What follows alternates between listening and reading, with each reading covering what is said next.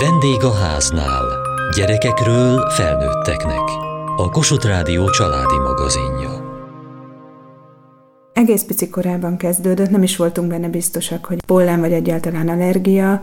Többször volt köhögős, hörgős betegsége, és mivel nem találtunk másokat, ezért indultunk el az allergiavizsgálat felé. Milyen tünetei voltak a kisfiúnak? Köhögött, illetve egy ilyen hörkurutszerű nehéz légzés. Fuldokló légzésben nem ment át, de egy ilyen állandó zajjal járó légvétel. Megijed ilyenkor a szülő? Ijesztő volt nagyon, mert nem tudtuk se az okát, se hogy hogy fog elmúlni, mi a módja, előjön-e újra, mit lehet tenni. A légúti allergiák egy nagy csoportját foglalják el a gyerekkori krónikus problémáknak. Mi áll ezeknek a hátterében, mitől alakulnak ki légúti allergiák? Dr. Balog Ádám, a Szemmelweis Egyetem egyes számú gyermekklinikájának egyetemi adjunktusa. Elég sokféle légúti allergént ismerünk, ami különböző tüneteket okozhat gyermekkorban. Az utóbbi évtizedekben ezeknek a száma jelentősen növekedett. Felnőtt korban is 10-20% a gyakorisága, de gyermekkorban ennél is nagyobb lehet időnként. Ez ezek lehetnek elsősorban felső légúti tünetekkel járó betegségek, tehát szénanáthás betegségek, amik orfolyással, tüsszögéssel, ordugulással, orviszketéssel, esetleg szemtünetekkel, tehát szemviszketéssel, szemvörösséggel, szemfolyással járhatnak, illetve bizonyos esetekben társulat ezekhez alsó légúti allergia, ami leginkább aszma formájában fordul elő.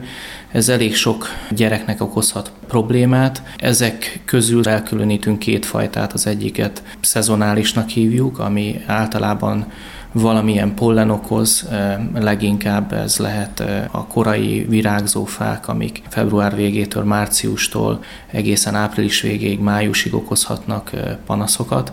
Ezek a fák lehetnek a nyír, a mogyoró, a is, juhar. Ezt követően a májusi időszakban a fűpollen az, ami tünetet tud okozni egészen június végéig, júliusig és az azt követő időszakban július végétől augusztuson át egészen akár szeptember-október végéig a parlagfű üröm, ami tüneteket okozhat.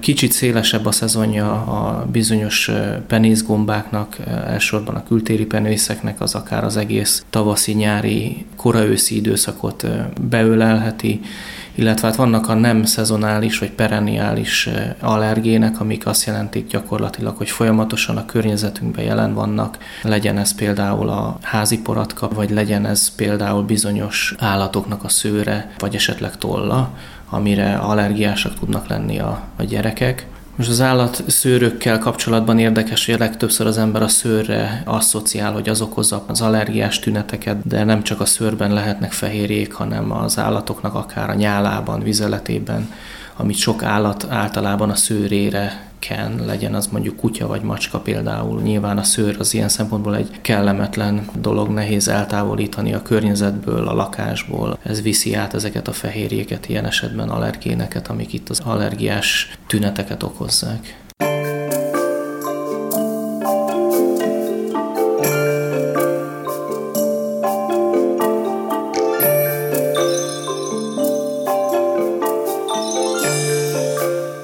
Virágporok azok, amelyeket így nehezen viselő. Tavaszi ez kikopott szinte teljesen, úgyhogy már nem is tudnám. A nyárfa virágzás időszakában az a szöszmösz az bántja. Viszket a szeme, piros, tüsszög is, és az ősz eleje, nyár végi időszakban a, a vadkender az, ami még kihozza neki, hullámzó. Ebben az évben volt egy-két erős allergiás napja, de voltak olyan évek, amikor szinte alig félig, meddig magától talán, ahogy növekedett, ahogy erősödött, és egy olyan sportot is űzött, aminek talán köszönhetően az is segített, hogy csökkentek a tünetek. Tudod azt, hogy melyik azok a növények, amikre úgy úgy érzed, hogy allergiás, vagy hogy nem nagyon szereted őket? A nyárfa, parlagfűről tudok, meg hát a por. Milyen a parlagfű? Láttál már?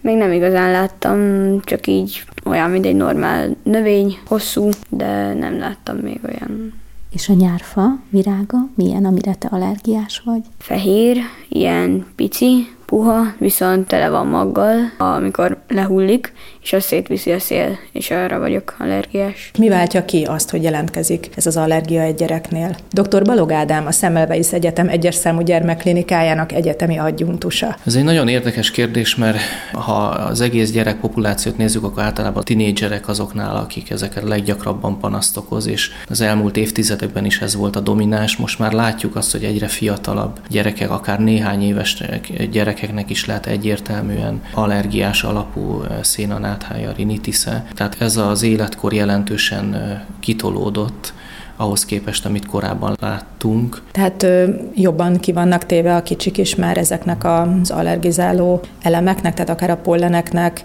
vagy több van a levegőben? Erre nagyon nehéz válaszolni, mert ugye az allergiás betegséget urbanizációs betegségként tartjuk számon, tehát minél fejlettebb egy régió, városiasabb a környezet, lehet, hogy kevesebb kórokozóval, fertőző ágenssel találkozik a szervezet, és ennek a hosszú folyamatnak a nyomán is alakulnak ki allergiás betegségek, ez pontosan nem tudjuk, tehát nem feltétlenül jelenti azt, hogy a környezetben magasabb ezeknek az allergéneknek a koncentrációja, csak az életmódunk úgy változott, hogy az immunrendszerünk így reagálja le gyakorlatilag ezt a változást. Ha már a városiasodást említette, rizikófaktornak számít-e a kipufogó gáz, a füst az utcákon, a por a gyerekek esetében? Ezt tudományosan relatíve nehéz kimutatni, de ettől függetlenül azt gondoljuk, hogy mind befolyásolja és növeli ezeknek a légúti allergiáknak a kialakulási valószínűségét. A genetikai tényezők mekkora szerepet játszanak? Jelentős szerepet játszanak, bár az allergiás atópiás betegségekben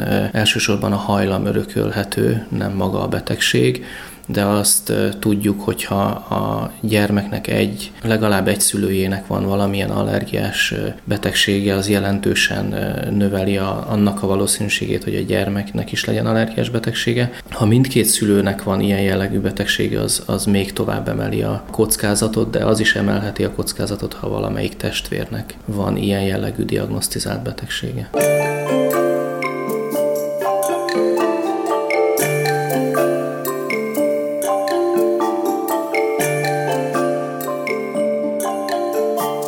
Először csak egy kicsit fújtam az orromat, meg tüsszögtem, aztán ez erősödött, és folyamatosan folyt, nem győztem venni az újabb és újabb zsebkendőket, meg tehát így kivörösödött a szemem, meg viszketett, és utána már megállás nélkül tüsszögtem egyik nap, tehát hogy kimentem így kertbe, és csak itt tüsszögtem, és tüsszögtem, és tüsszögtem, és bementem, és egy kicsit abba maradt. Hát amikor kim voltál, akkor előjött, amikor bent a lakásba voltál, akkor eltűnt? Igen, ben voltam, mivel hogy nem tudtam más csinálni. Milyen anyagokra vizsgálták a kisfiút? Első körben sok mindenre, tehát talán még nem emlékszem pontosan, talán ami kimutatható, így bőrtesztel még ételallergiák is előjöttek. Virágporokból többféle fűfélék poraiból, illetve a házi por atka volt, ami még köztük volt. Mi lett az eredmény, mit mutatott a bőrteszt? Néhány virágpor, fű és a házipor nála is kijött. Mennyire volt ez súlyos, mennyire mutatta a bőrteszt, hogy itt azért oda kell figyelni? Szerencsére nem volt súlyos, tehát nem jutottunk oda, hogy erre gyógyszert kellene szedni, vagy valami állandó kezelésre lenne szüksége. Milyen folyamat során lehet megállapítani egyértelműen, hogy mi okozza, milyen allergén okozza a légúti panaszokat? Az allergiás betegségben mindig nagyon fontos a kórelőzménynek a felvétele, tehát csak pusztán a diagnosztikai teszteket önmagukban nem használhatjuk, tehát mindenképpen össze kell tudjuk kötni a tüneteket az allergia vizsgálatoknak az eredményével. Ugyanis sajnos az allergia vizsgálatok önmagukban szűrő vizsgálatra nem alkalmasak, ez azért van, mert könnyebben lehetnek úgy pozitívak, hogy nincs melléjük tünet, tehát akár egészséges, amúgy nem allergiás illetőknek is lehet pozitív a tesztjük úgy, hogy valójában nincs allergiás betegségük, ezt szenzitizációnak hívjuk. Ezért szűrő jelleggel nem is javasoljuk ezeket a teszteket végezni, csak azoknál, akiknél egyértelműnek tűnő tünetek vannak, Ilyenkor ez lehetséges eh, a klasszikus eh, bőrpróba elvégzésével, ahol allergén kivonatokat eh, teszünk a bőrre, és azt finoman megszúrjuk, és ennek kapcsán mérjük azt a allergiás reakciót, ami általában egy vörös viszkető göbcse kialakulása, hogy valakinek van-e ezzel kapcsolatban szenzitizációja, vagy nincsen Amennyiben valamilyen oknál fogva nem tudunk bőrtesztet végezni, akkor vérvizsgálattal is meg lehet a, a specifikus allergének szintjét mérni, és ez is hozzásegíthet a, a diagnózishoz.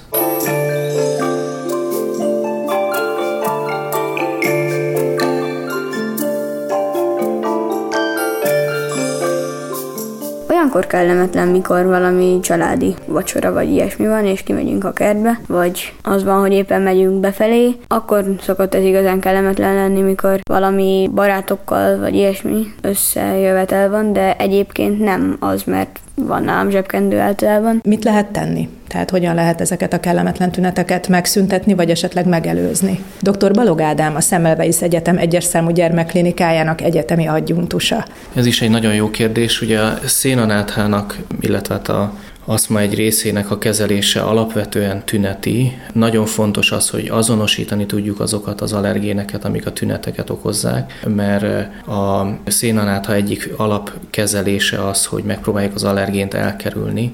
Tehát annak ellenére, hogy vannak hatékony terápiák, ez egy nagyon fontos dolog, hogy a beteget megfelelően edukáljuk arra, hogy az allergén kerülést az hogyan tudja elérni.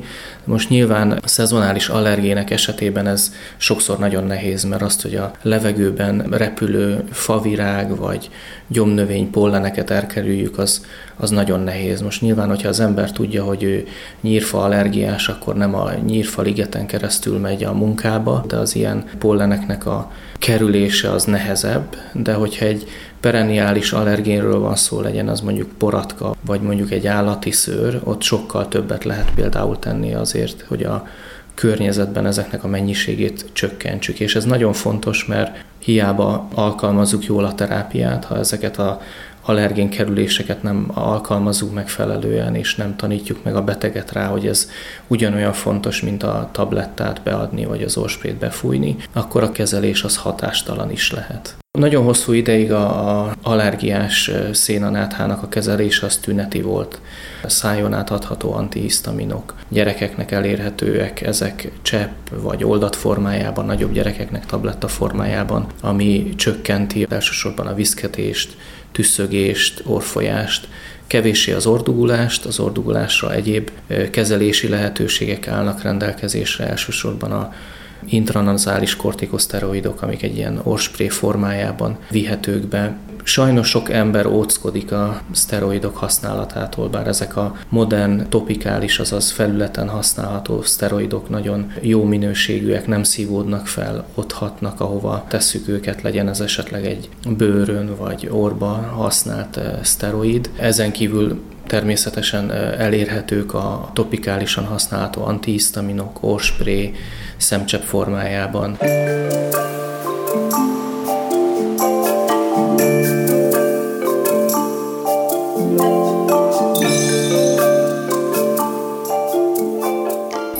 Utóbbi évtizedekben már elérhető a szénanátha kezelésére egy oki kezelés is, az allergén specifikus immunterápia. Dr. Balog Ádám a Szemelweis Egyetem egyes számú gyermekklinikájának egyetemi adjunktusa. Ami megfelelő esetekben megfelelően megválasztott immunterápiával nagyon jó eredmények érhetők el. Ez gyakorlatilag azt jelenti, hogy a szervezetnek a rosszul kialakult immunválaszát átalakítjuk egy másik fajta immunválasszá, és ezáltal csökkentjük azokat a immunreakciókat, amik ezeket a szénanáthás tüneteket okozzák. Ez egy tartós kezelést jelent, tehát ez legtöbbször naponta kell használni. Ez elsősorban a, az úgynevezett szublinguális immunterápiára igaz, amikor a nyelv alá kell egy tablettát adni, vagy egy sprét fújni.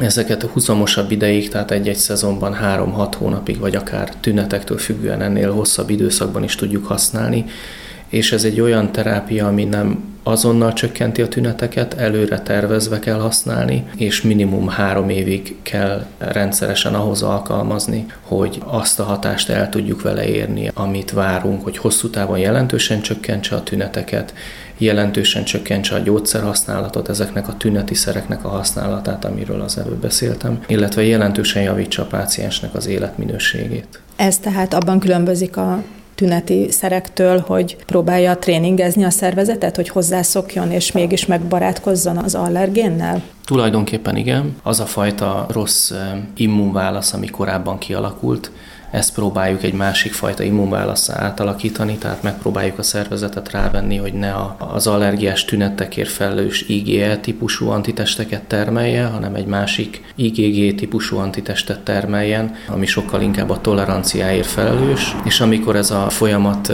megfelelő mértékben megváltozik, akkor kezdhetjük el azt látni, hogy a tünetek jelentősen csökkennek. Nagyon fontos, hogy a beteg jó kooperáljon, és ezeket a kezeléseket minimum három évig folytassuk, bizonyos esetekben akár ennél hosszabb ideig is, azért, hogy a hosszú évekig, akár évtizedekig tartó hatást el tudjuk érni. Az immunterápia akkor működik a legjobban, ha valaki egy vagy kevés allergénre szenzitizált, ha majdnem biztosak vagyunk, vagy az az egy allergén vagy kevés allergén okozza a tüneteket, akkor sokkal célzottabban és sokkal hatékonyabban működhet az immunterápia.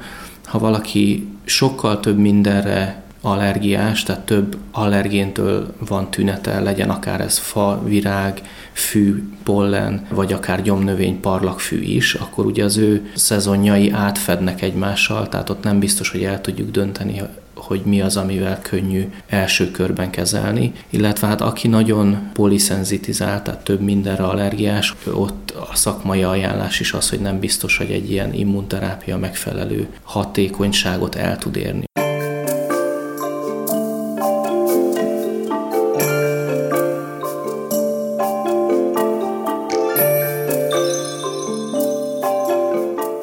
Tudja, hogy ő allergiás volt a virágporokra, de egyáltalán nem beszéltünk róla, mert nem gondoltuk, hogy egy kicsi gyereknél érdemes egy betegségtudattal összekapcsolni. Most idén ugye 11 évesen már egyértelmű volt az összefüggés, hogy egy napot eltöltöttünk egy olyan közegben, ahol valószínűleg körülöttünk lehetett vadkender, még ha ott nem is volt. Utána sokat tüsszögött, fújta az órát, összefüggésbe hoztuk, de nem szoktunk beszélni úgy betegségekről, hogyha nincs oka, vagy nincs tünete. Az osztálytársai tudják, hogy egy kirándulásnál azért erre oda kell figyelni? Nem igazán szoktunk ezzel így beszélgetni, de több osztálytársamnak is van allergiája pont ezekre növényekre, és emiatt így mindenki tudja, hogy van ilyen, de senkit nem zavar úgy különösebben, meg nem is szoktunk erre úgy nagyon készülni. Hogyha nem kezeljük sehogy az allergiát, hanem szépen áldozatául esünk minden nyáron, fújjuk az orrunkat, tüsszögünk, majd fellélegzünk, amikor elmúlik, és ezt így életformaszerűen űzzük ezt a dolgot. Tehát most, hogy a gyerekekről beszélünk, akkor annak milyen hátránya van, azon túl, hogy persze megkeseríti az életét, de hosszú távú egészségügyi hatásai vannak ennek? Hát ugye ezért jelentős életminőség eh, romlást okozhat, mind rövid távon, mind hosszú távon. Arról nem is beszélve, hogy akár egy, egy felső légúti allergiából, tehát egy szénanáthából, akár egy eh, aszmás tünet együttes is kialakulhat hosszú távon. Erre például a házi poratka egy jó példa, ami hosszú távon akár egy allergiás aszmába is átmehet. Hogyha ilyen tünetei vannak a gyereknek, foglalkozni kell vele? Igen, mindenképpen javasolt, hogy ezzel foglalkozni kell.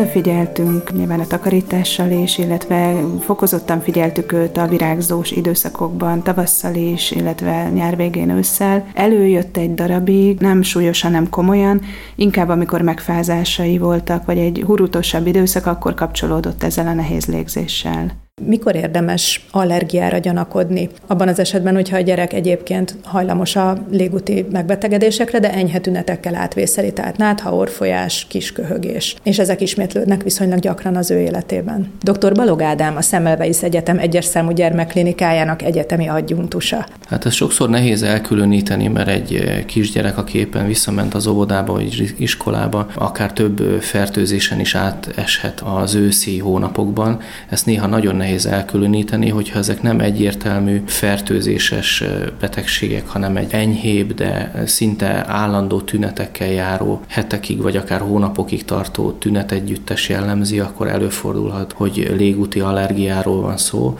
Ilyenkor allergológus, pulmonológus felkeresése javasolt lehet mikor gyanakodjon egy szülő asztmára. Tehát köhétsel a gyerek, és gyanús, hogy ez nem egy akut légúti fertőzés. Egyrészt, ha gyakran van fulladás, nehéz légzés, akár sípolás, illetve hát azok a tünetek, amik általában nem csak akuta jelentkeznek, lehet ez egy éjszaka jellemző köhögés, lehetnek ezek testmozgáshoz kötött tünetek, tehát futkározás, sportolás kapcsán kialakuló köhögés, nehéz légzés, akár nevetés kapcsán kialakuló köhögés, nehéz légzés mind-mind lehet annak a előjele, hogy ez valamiben más, mint egy akut légúti fertőzés. És akkor irány a pulmonológus. Nyilván ez attól is függ, hogy az embernek mennyi tünete van, lehet konzultálni előbb a házi orvossal, hogy kell-e egyből pulmonológiára menni, vagy ezek még epizódikusak annyira, hogy házi orvos tud vele foglalkozni, de természetesen ha ez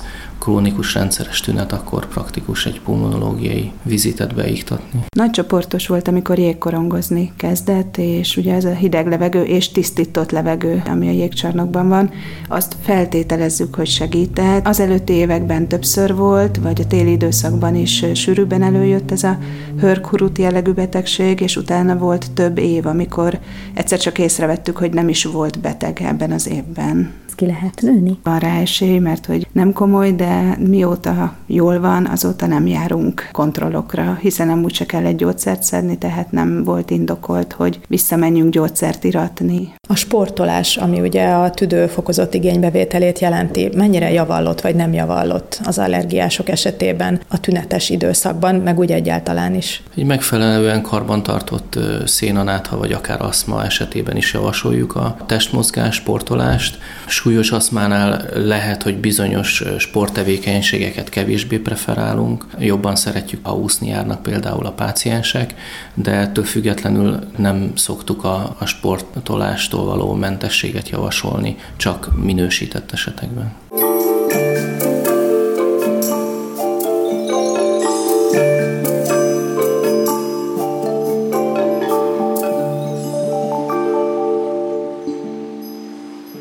Holnapi műsorunk tartalmából. Egyre több óvodában ismerkedhetnek a gyerekek játékos foglalkozásokon idegen nyelvekkel. Népszerű az angol, a különböző nemzetiségi óvodákban pedig a nyelvtanuláson túl a hagyományőrzés is cél. Milyen módszerekkel vezetik be a kicsiket az idegen nyelv rejtelmeibe, és hogyan segít ez abban, hogy természetessé váljon számukra több nyelven is megszólalni. Kövessék műsorunkat podcaston, vagy keressék adásainkat a mediaclick.hu internetes oldalon. Várjuk leveleiket a vendégháznál kukac mtva.hu e-mail címen. Műsorunk témáiról a Kossuth Rádió Facebook oldalán is olvashatnak. Elhangzott a vendégháznál. A riporter Hegyesi Gabriella, Juhász Tímea, a gyártásvezető Mali Andrea, szerkesztette a felelős szerkesztő Hegyesi Gabriella.